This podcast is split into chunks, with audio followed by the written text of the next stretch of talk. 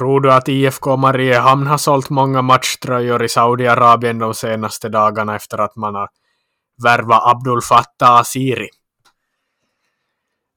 Nej, no, de har så fula tröjor så jag tror ingen vill ha dem.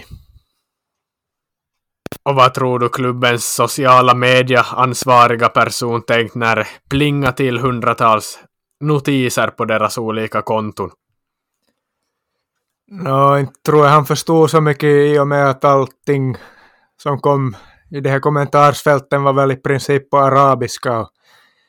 Eller ja, vad vet jag, kanske han förstår, han eller hon förstår arabiska alfabetet, men troliga är väl att den, hen, kanske ändå inte gör det. Men...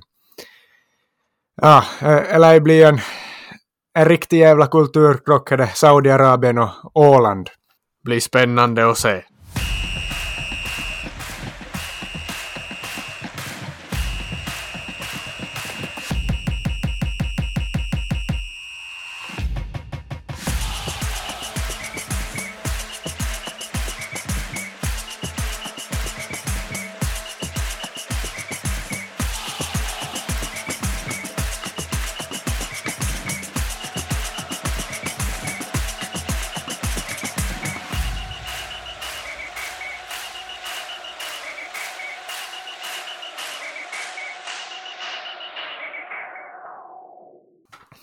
Hej och välkomna till ett nytt avsnitt. Vi sitter här relativt sent på måndag kväll, första maj. Jag kommer väl ut imorgon först det här avsnittet. Jag har just kommit hem från Åbo, kört hem och satt mig direkt här bara i, på kammaren och knäppt på mikrofonen och startat inspelningen här. Jag har inte hunnit vara hemma i några riktigt många minuter. Jag är bara rätt på direkt men glädjande var att se i alla fall här, ja vad kan det ha varit, en tio, kvart över nio där jag kom körandes genom Singsby att det var aktivitet på Singsbyplan.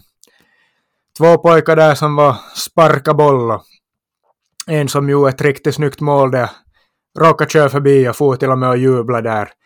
Sprang och såg glad ut, så det var glädjande att se. Jag vet inte jag vet inte ens om att plan har öppnat ännu om den har gjort det officiellt, men eh, där, där var två pojkar och, och sparka. Jag är ju en alltid glad att se. Fint mål gjorde också. En annan som gjorde mål ikväll var ju Daniel Håkans för Vålerenga mot Lilleström.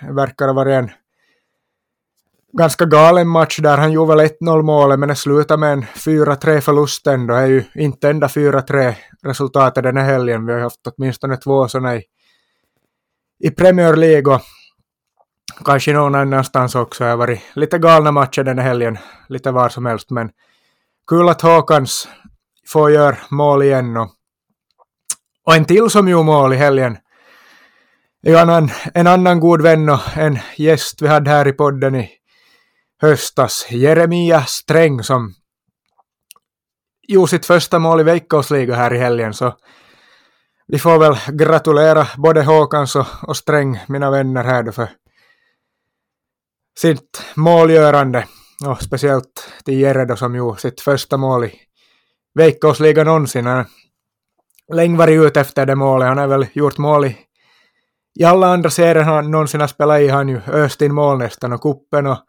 Ykkönen och i Amerika har han gjort en massa mål, men i veckosliga har jag inte velat säga. Jag har varit ribbor och stolpar och världsräddningar av målvakten och allt möjligt, så jag har tagit en tid, men nu fick han äntligen göra det. Förlösande 1-0 målet när SIK tog en tung skalp borta 3-0-seger mot AC Oulu.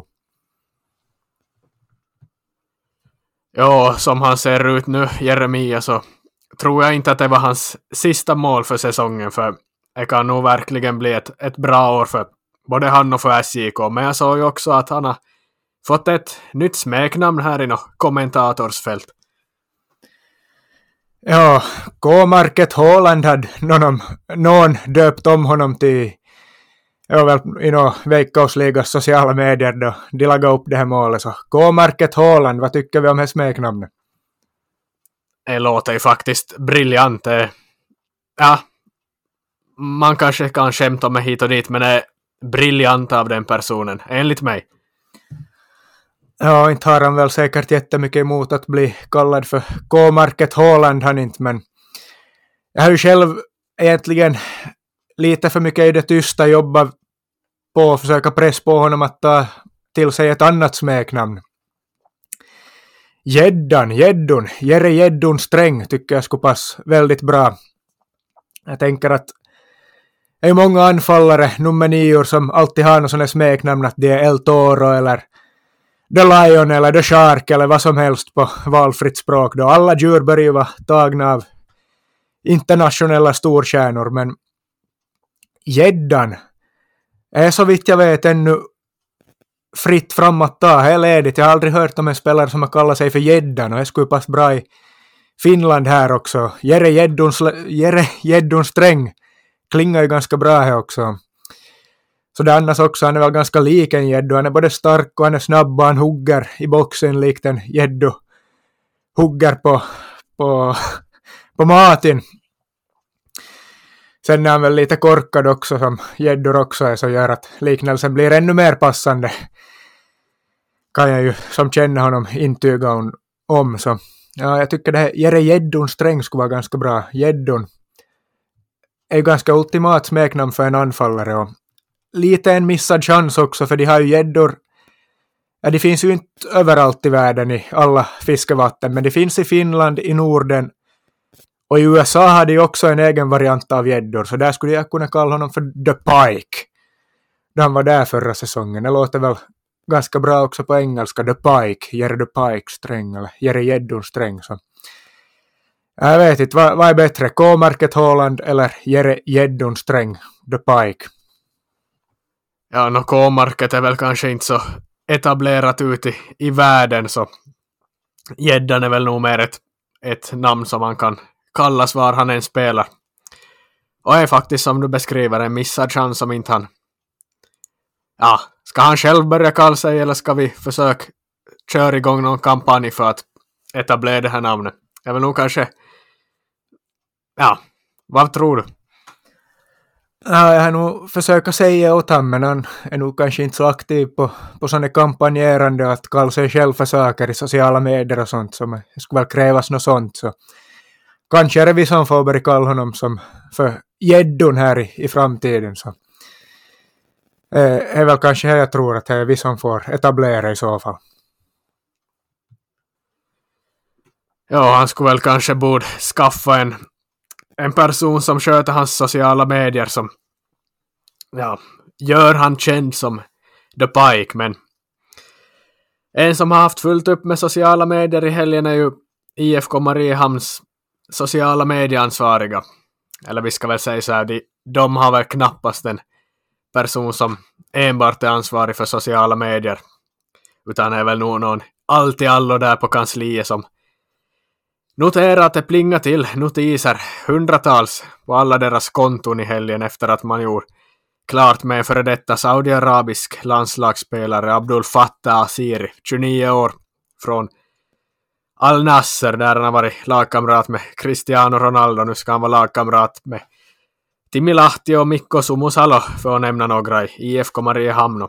Det här är ju en övergång som verkligen har skakat om, eller skaka om och skaka om, väckt uppmärksamhet i, i fotbollsfinland och i arabvärlden för han har väl nog en miljon följare på sina sociala medier den här Asiri och när han kom till Mariehamn så har ju Saudiaraberna varit inne i kommentarsfälten och, och skrivit på sina, med sina egna tecken på arabiska. Det var väl det här inlägget där de presenterade honom, så var väl 300 kommentarer. Så jag säger ju att intresset är stort för den här spelaren, men vad är det för spelare som har kommit in till Veikkausliga och Mariehamn? Ja, det skulle väl borde vara en spelare av riktigt, riktigt hög kvalitet med den här ligan. Ligans mått mätt är väl en offensiv landslags, alltså saudisk offensiv landslagsspelare, eller vad skrev Mariehamn om honom. Inte förstås har man ju sett någon spel eller någonting, men om man nu har spelat en 20 landskamper ungefär för saudiska landslaget så måste ju vara ganska hög kvalitet på, på den här killen. Han verkar väl vara att han kan spela som någon slags ytter, offensiv mittfältare i någon sån roll. Säkert teknisk och bra med bollen är väl hans styrkor antar jag.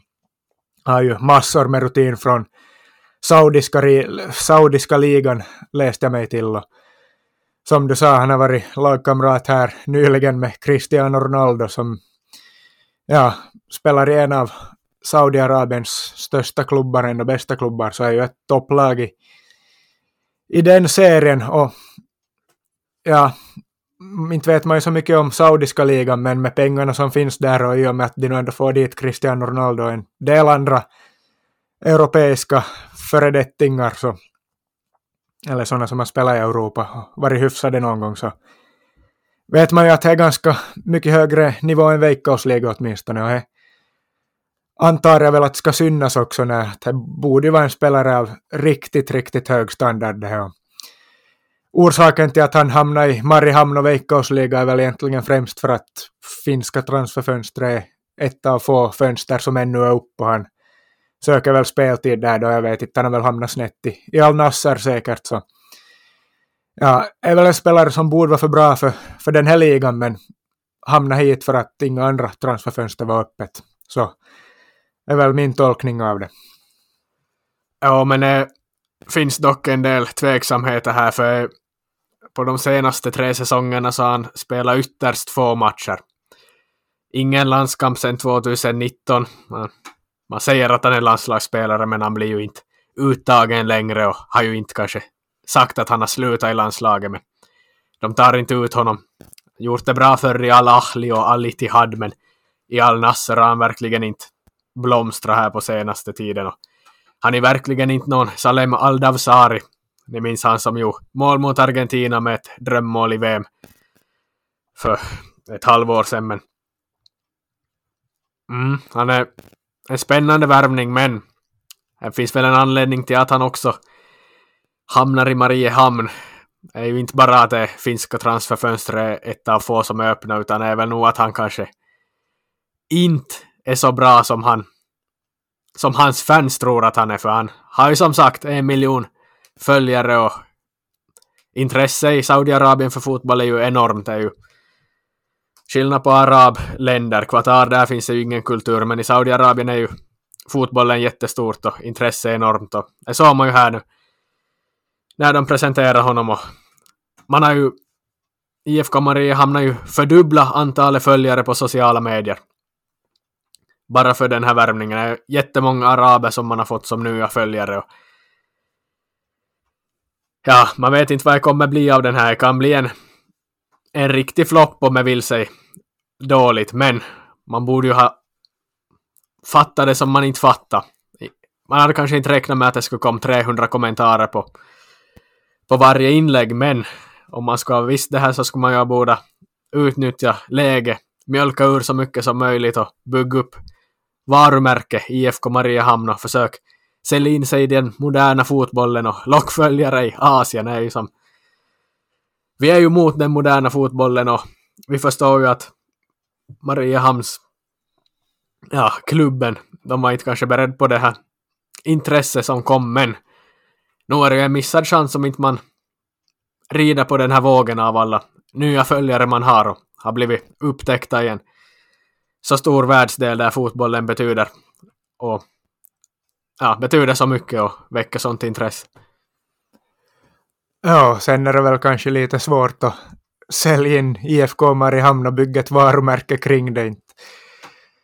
Spela där på Wiklöf Holding Arena är väl någonting helt annat än vad den här spelaren är van med och var han kommer ifrån. Det blir nog en otrolig kontrast. Och Ja, inte har de ju de finaste speldräkterna heller och kör typ ännu med långärmat. Det är säkert enda laget som ännu har långärmat på alla sina matchtröjor. Och reklam överallt. Och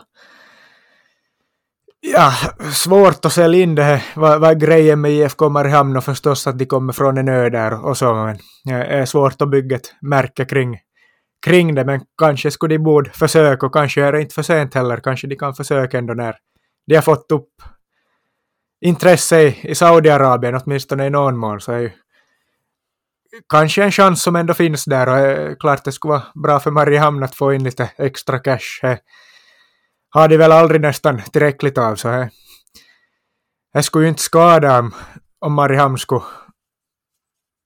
göra sig en, eller bli en grej i Saudiarabien om vi säger så. Ja, men där har man ju, eller man är begränsade för man är ju inte som sagt in i den moderna fotbollen som andra klubbar utan IFK Mariehamn drivs på samma sätt som man har drivits i ja, alla år kanske men det finns en webb eller en på hemsidan finns det olika länkar. Där finns en länk som man klickar in på IFK-shoppen eller någonting. Och där i den finns det ja, spel, alltså matchtröjan och kepsar och halsdukar och hoodies och sånt. Och lite grejer. Men det går inte att klicka sig fram på den här länken. Eller på den här hemsidan och klick. Lägg i varukorgen och sånt som alla andra lag har. Till och med alla finska lag. Till och med jag var och kollade upp nu bara för, det, för sakens skull att KTP och Lahti och AC Oulu, alla lag har en webbshop där man kan klicka hem saker. Souvenirer. Men ifall det skulle vara en massa Saudiarabier nu som skulle vilja ha IFK Mariehamn grejer så de kan inte beställa via nätet utan det står där på den här hemsidan. För beställningar, mejla fotboll at mariehamn.com eller at ifkmariehamn.com eller ring och så står det ett telefonnummer där så om man ska ha en matchtröja så ska man tydligen man ska mejla eller ring för att komma åt en, en keps eller en halsduk eller en, en matchtröja. Tveksamt om man kan få, få den printad med Asiris namn på ryggen men araberna de får ta kontakt via mail eller ring. Så är på, på det sättet som IFK Mariehamn bedriver sin, sin försäljning av souvenirer och ja. Eh, alltså ja, vi kan skämta med hur mycket som helst men vi är ju vi är ju såklart mot den moderna fotbollen och för gammaldags och nostal nostalgiska som vi är, men nu är det ju lite en lite förgången tid att man ska mejla eller ring för att komma åt en matchtröja. Ja, det är förstås klart att det är ganska mäktigt på sitt sätt, men ja, man hoppas ju att, att mailboxen, mailinkorgen och, och telefonen där i kansliet har gått varm här de senaste dagarna från saudiarabiska kontakter och telefonnummer så löser de det, kanske skickar de hem en massa merch, Mariehamn-merch när den här Asiri far hem på någon lomma här då så skickar de med han och så får han dela ut då när han kommer hem eller vad vet jag men eh, är som sagt en otrolig kontrast mellan Saudiarabien och Åland, alltså rika äckligt rika Saudiarabien med allt vad det innebär och sen Åland lite försiktiga, till mida, tillbakadragna Åland. Men det är spännande tider och är en spännande connection som har uppstått här emellan. Man skulle nästan borde göra något studiebesök dit eller någonting, följ med hur en dag där med den här spelaren när han, här i början nu åtminstone när han ska försöka anpassa sig till det åländska klimatet och hur går till där på, på kansliet nu också hur, hur fullt upp de har med att skicka iväg merch till Saudiarabien och allt vad, vad alla utmaningar som kommer med det här men han lär ju åtminstone behöva leverera på plan den här killen för det har ju inte gått något bra för Mariehamn hittills. En poäng på de fyra matcherna och han debuterar väl redan här mot Kups i helgen men ja. Det krävs att han levererar på planen också här nu för att Mariehamn ska hålla sig flytande. Det stod på hemsidan också att på IFKs kansli jobbar fyra personer på heltid. Kansliets telefon och öppettider vardagar klockan 10 till 16. Så är nog kanske inte någon som enbart sköter Twitterkonto utan är nog sån allt i allon som gör allting där. Och det var ju någon som hade spelat upp måljingeln igår när Kups fick en hörna. Sen blev det ju mål i baken. Så det var någon som hade i misstag satt igång målingen som om Mariehamn skulle ha gjort mål, men det var som då Kups hade hörna och så slutade med att Kups kontra in 2-0 där och vann matchen. Och lämna IFK på sista plats, men ja, man skulle borde göra, gör en större grej av det här att man, man var väl kanske inte beredd på uppståndelsen som det skulle bli, men man skulle borde ha mer, alltså som Lahti ju en, alltså en ny logo, ful logo bara, men gör någonting, någon ny logga. det är svårt med IFK-lag, de ser så likadana ut, nu är ju Mariehamn gröna till skillnad från blåvitt som, eller blåvita lagen, IFK-lagen som ofta är blåvita, men man skulle borde ha någon speciell maskot eller använda den här kronhjorten som man har inne i emblemet som en kanske en logo på bara kronhjorten och sen liksom maskotgrejer och sånt. Och försök hitta nå, någonting, någon nisch där och kanske marknadsför sig som mer som att laget från ön. Kanske man gör det, men inte i så stor utsträckning som det kanske skulle kunna göras. Men ja, jag såg också att man hade på sin Facebook-sida hade man frågat om, om det finns någon som har en, en lägenhet tillgänglig för jag antar väl att det var den här spelaren som skulle inkvarteras dit, för man har tidigare också annonserat på Facebook att man söker en cykel till något av de här nyförvärven för några år sedan, så är man är inte inne i den moderna fotbollen riktigt och, och vi uppskattar det som bara den, men nu var det ju komiskt när man tänker efter och, och vilka kontraster som du sa. Ja, nu är det ju kul nog. ja. Det blir intressant att se hur han, den här Asiri hette väl, hur han hanterar omställningen från Al Nasser med Cristiano Ronaldo till Åland, IFK Mariehamn, Timilahti och Mikko Sumusalo. En lägenhet som ska hyras ut av någon och, och allt annat som kommer bli en kulturchock. Det blir faktiskt intressant att följa med och som sagt, det skulle vara kul att vara där och, och se med egna ögon hur, hur allting går till och hur det ser ut. Ja, på fredag finns ju chansen för de som bor i Vasatrakten att se honom för det är ju VPS mot IFK Mariehamn fredag femte i femte på Sandviken och då kanske den här saudiarabiska före detta landslagsspelaren kommer till Vasa och gör upp mot VPS i ett bottenmöte. Lagen som ligger sist respektive näst sist och där kan vi ju göra en kort övergång till VPS då som spelar 0-0 mot Honka, tog sin första poäng i helgen. Jag var på plats. Skulle kunna prata en del här om den här matchen, men jag tänker att det blir för... Jag tjänar inte till att jag ska sitta här och klaga i fem minuter, för det var så bedrövligt och vi kan väl bara konstatera att det var... Det var en fullständigt usel fotbollsmatch. VPS Honka 0-0 och... Ja, jag vill inte börja sitta här och klaga mer för vi konstaterar bara att det var bedrövligt och ny chans mot IFK Mariehamn för VPS nu på inkommande fredag. Ja, det var väl deras andra poäng faktiskt. De tog väl 0-0 mot Lahti i premiären också, men jag hade ens gjort ett mål ännu. Det kan hända att de står på noll ännu. Lättare lär det ju inte bli av att man fick Kalle Multanen, fjolårets succémålskytt, långtidsskadad här var väl i veckan som man lagade upp, eller som nyheten kom här. Ser ut att bli bort resten av säsongen. Det är ju ett hårt slag. Han gjorde ju, jag var Johan, över tio mål. 13, någonting sånt. Jag minns inte exakt, kanske 13. 12 kanske säger vi. I fjol, jättemycket i alla fall. Det var många som hade sagt att han inte kan göra det i veikkausligan, att han bara gör mål i Ykkönen där han är tidernas främste målskytt, men i fjol visade han ju, men nu har de bort honom och de har också bort förstås det gäng som de tappade från i fjol. Morrissey är väl inte i bästa slag heller, så ja.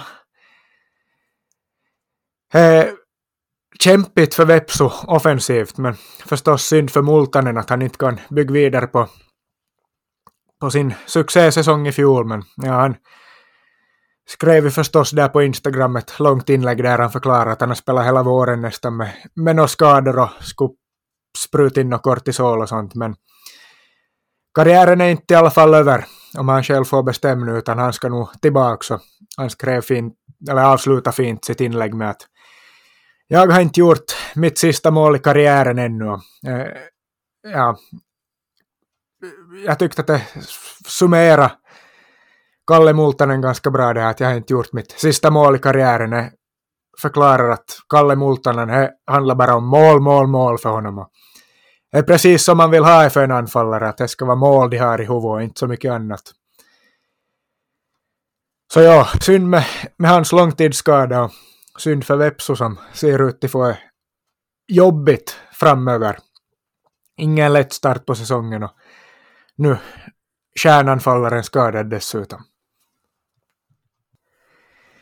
Men någon som har inlett desto positivare är ju FC Lahti som vi och många andra som vi tidigare har nämnt tippa som jumbo här på förhand, men de har ju inlett säsongen bra positivt och fått många poäng och befinner sig på övre halvan, men det har väl varit mindre positiva vindar kring dem här i helgen. De skulle ju haft match hemma mot FC Inter i, i lördags var det väl. Men på grund av frånvaron i truppen, sjukdomar, skador, eh, så lyckades man faktiskt få den här matchen inställd och framflyttad till Inters, interlägrets stora frustration och, och ilska. Lahti har väl några sjukdomar, lär ska ha en tre spelare som har testat positivt för corona och sen några till som känner sig sjuka men inte har testat positivt, åtminstone inte senast jag hörde. Men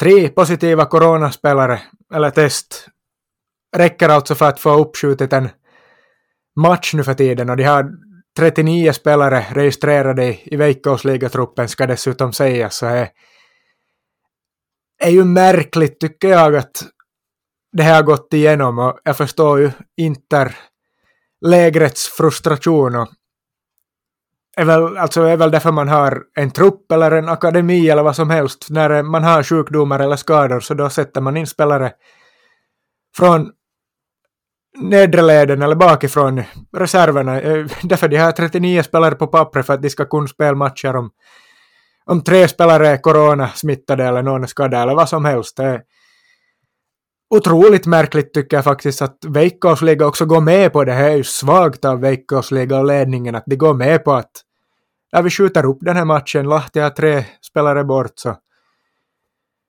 så inte kan de spela då. Jag, jag fattar ingenting. Jag är äh, vansinne på något vis. Varför skulle man skjuta upp en match för att man har tre spelare bort? Eh, jag begriper mig inte på det. Förstår du? Ja, om jag ska ha varit här för två år sedan så skulle man ju förstå när det var ett skäl att det var en, en pandemi, men nu har man ju gått vidare från det och, och om man nu Alltså grejen nu om, om Lahti får igenom det här nu så kan alla lag peka på det under hela säsongen Har jag som en ursäkt att ja men Lahti gjorde ju så, så nu varför ska inte vi få göra så? Man öppnar en dörr som, ja alltså nu finns det ju chanser för alla att utnyttja det här att om, om man en gång har släppt igenom det här så varför ska man inte, varför ska inte andra lag kunna utnyttja samma om de är i, i, i liknande situationer då så det blir ju, man har öppnat dörren och är, är, är komiskt också med finska ligan bara fyra, fem omgångar in, ja, man vet inte hur många omgångar in, för alla lag har olika antal matcher spelade, så fast vi just har börjat så är det som redan kaos. Ja, vi har en haltande tabell redan som är så fint heter, men det är nog är så otroligt märkligt att Veikkausliga går med på det. Jag fattar ingenting. Det enda jag fattar är ju att Inter är förbannade och det tycker jag att de har all rätt till att vara. Och speciellt, ja, de har ju annat att vara förbannad på också då de inte, veckan innan får de inte godkänt ett mål som är en halv meter över mållinjen och nu det här så man kan förstå att det kanske kokar lite i, i Inter för tillfället, ja, men det är otroligt märkligt. Det påminner mig lite, inte för att det nu har någonting med corona eller saken att göra egentligen, men när Barca värva Martin Breitveit, när kan det ha varit för en tre, fyra år sedan, någonting sånt i januari, eller i februari ska jag säga. För det var nämligen så att transferfönstret i januari var ju slut då. Deadline hade gått och vi var, vi var inne i februari redan några dagar och då hoxade Barca på att ja, nej, eller kanske någon blev skadad eller någonting, men att nej, vi har inga anfallare här, eller vi har några anfallare bort här, Dembele hade säkert blivit skadad eller någonting. Så då får de, eller skickar de in till La Liga att hej, vi har inga anfallare, att kan vi inte få köpa en här? Så får de dispens av La Liga, så det är mitt i allt bara att ja, men är okej, ni får köpa en här inom ligan, så köpte ju Martin Braithwaite då, det var väl från, väl Leganes han spelar väl. Så väl därifrån de köpt han då, köper Leganes bästa anfallare. Så det är helt mitt i allt att varför skulle de bara få göra så? är väl en orsak till att de har en akademi i så fall därifrån de kan flytta upp spelare och använda sina Barca dessutom som ska ha en av världens bästa akademier i La Masia så det fattar jag inte då, jag påminner lite om det här då. Sen när Leganes då blev av med sin anfallare så ville ju de också köpa en ny, men de fick ju förstås inte tillstånd alla liga, för de var ju bara Leganes de och inte Barcelona, så Barca fick dispens att köpa Leganes anfallare, men då var ju Leganes utan, så då fick de inte. Men ja, inte hade riktigt någonting med, med den här Lahti-situationen att göra, men det var kanske lite liknande. Ge mig en flashback till den märkliga situationen, men det är väl om man är utan spelare eller har skador eller sjukdomar så får man väl ta upp någon junior då eller någonting. Eh, är inte därför man har en akademi. Ja, Leganes åkte ju ur det året också när man tappade sin anfallare och inte, de kunde ju inte värva någon nu sen utan det var ju kört för deras säsong. Men Inter har dragit nitlotten i det här fallet och får se om det blir något mer aktuellt. Men du har noterat en grej på sociala medier också med några franska konton till olika finska lag. Berätta lite mer om vad du har sett.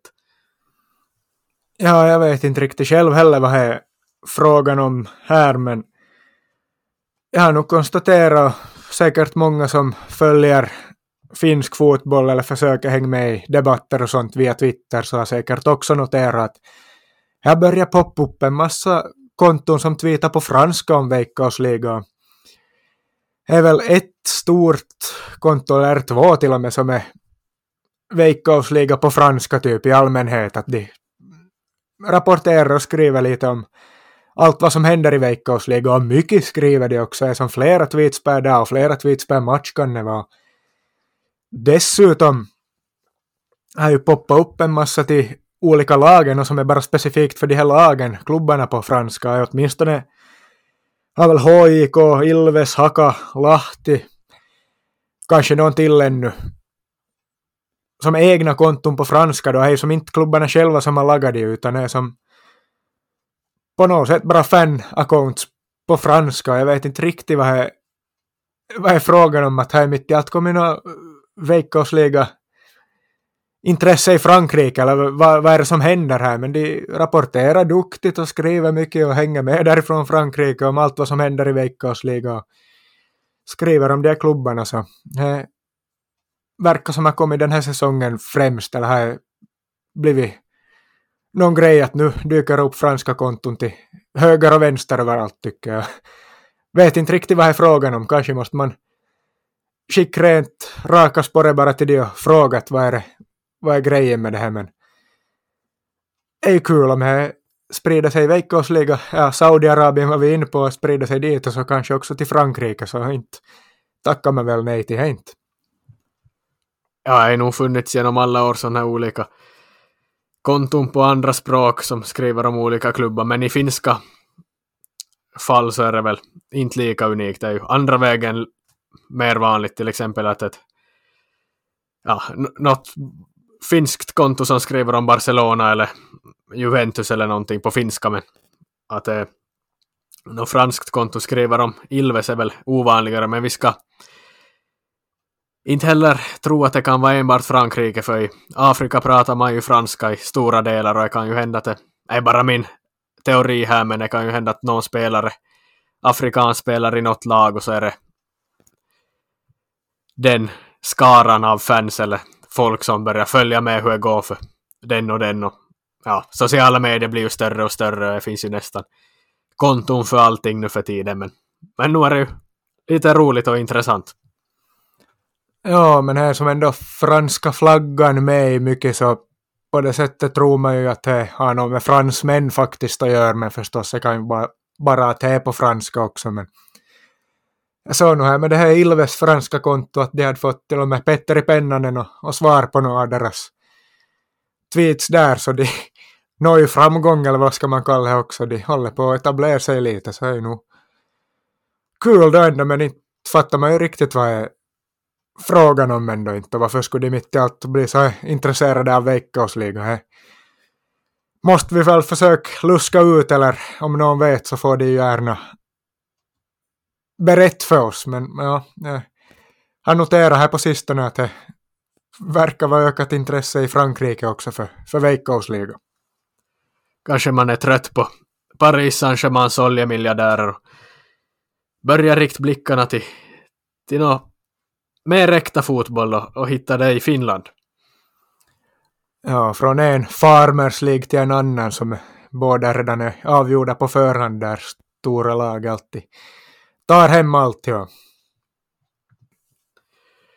ja, men i det här avsnittet så blir det lite kortare för vi hinner nog inte riktigt gå in på all eller att prata så mycket internationellt utan vi får hålla oss med det vi har sagt inom inom Finlands ramar, men vi ska i alla fall konstatera ännu att för en halvtimme sedan sluta Venezia Modena i Serie B 5-0 åt hemmalaget och Pohjanpalo dundra in fyra stycken mål i den matchen och är ju en anmärkningsvärd siffra. Han är uppe på 17 mål nu i Serie B och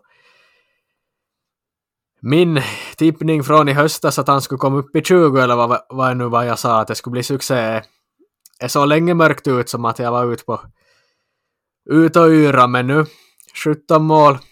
Venezia rör sig upp på tre matcher kvar, man har häng på, på den kvalmatchen nu till Serie A. Man kommer väl knappast gå upp, men det är ju många lag som gör upp om playoff där i, i slutet av året. Men fyra mål i en match, det är inte många finska spelare som har gjort det. Jag vet inte om någon har gjort det någonsin, kanske Littmanen någon gång, jag har inte kollat upp, men oavsett. Pohjanpolo, fyra mål. Mäktig prestation. Absolut mäktigt, ja. Oväntat ändå att det skulle bli så bra. Jag började ju knackigt där och jag var ganska skeptisk till att det skulle bli så, men han har ju visat nu ändå att som många gånger att han är bra i sådana klubbar som inte egentligen går så bra för på planen, att han är han är den som ska göra för det, annars blir det inte något. Annars om inte han gör mål så gör ingen mål. Ja. Klubbarna som är nere i, i bottenskiktet av tabellen, det var ju samma i fjol i turkiska ligan, de åkte väl ur det. Laget han spelade i var i Riserspor eller vad hette det, men han var väl typ tredje i skytteligan ändå.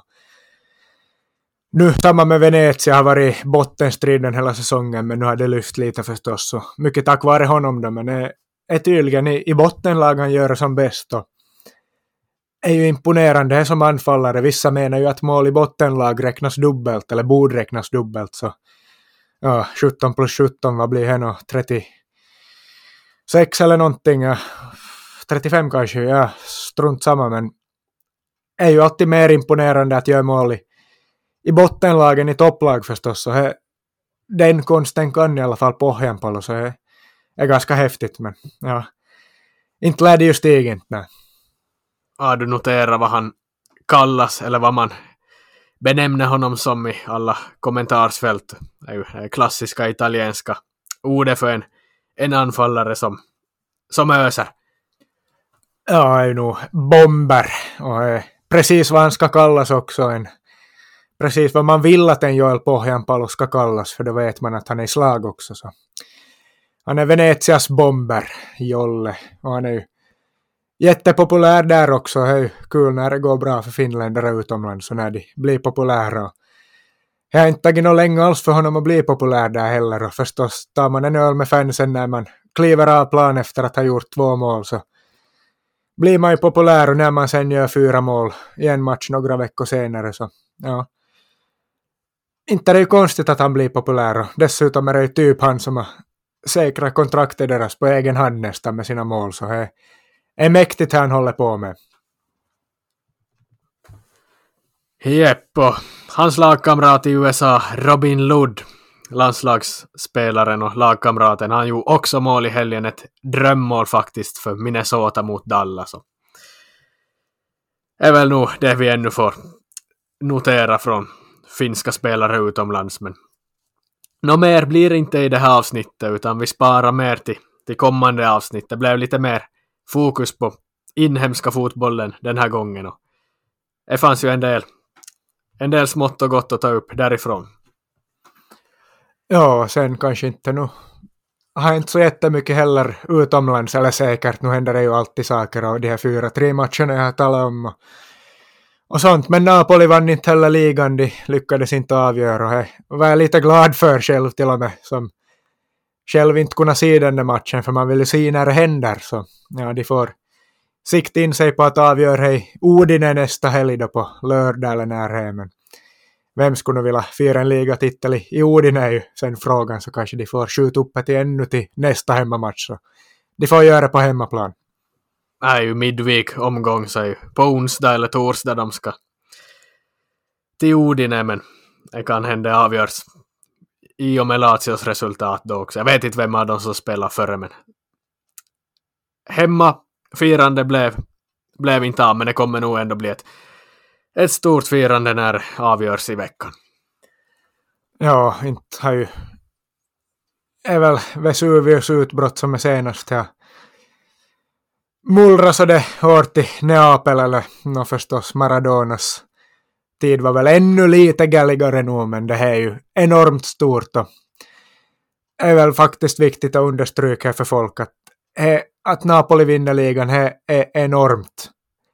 Ta in det verkligen och om ni har möjlighet så försök se och ta del av så mycket av bilden av firande och, och matchen och, och, allt vad som är bara möjligt. Om det bara går så försök göra ert bästa för det är väl ungefär jämförbart med som när Argentina vann VM eller no, här är det en stad, det var ett land men folk är ungefär lika tokiga i att det händer så det är faktiskt enormt. Ja, och vi återkommer med mer antagligen från Neapel och annat som har hänt. Men nu stänger vi locket för dagens avsnitt och säger tack för att ni har lyssnat och på återhörande.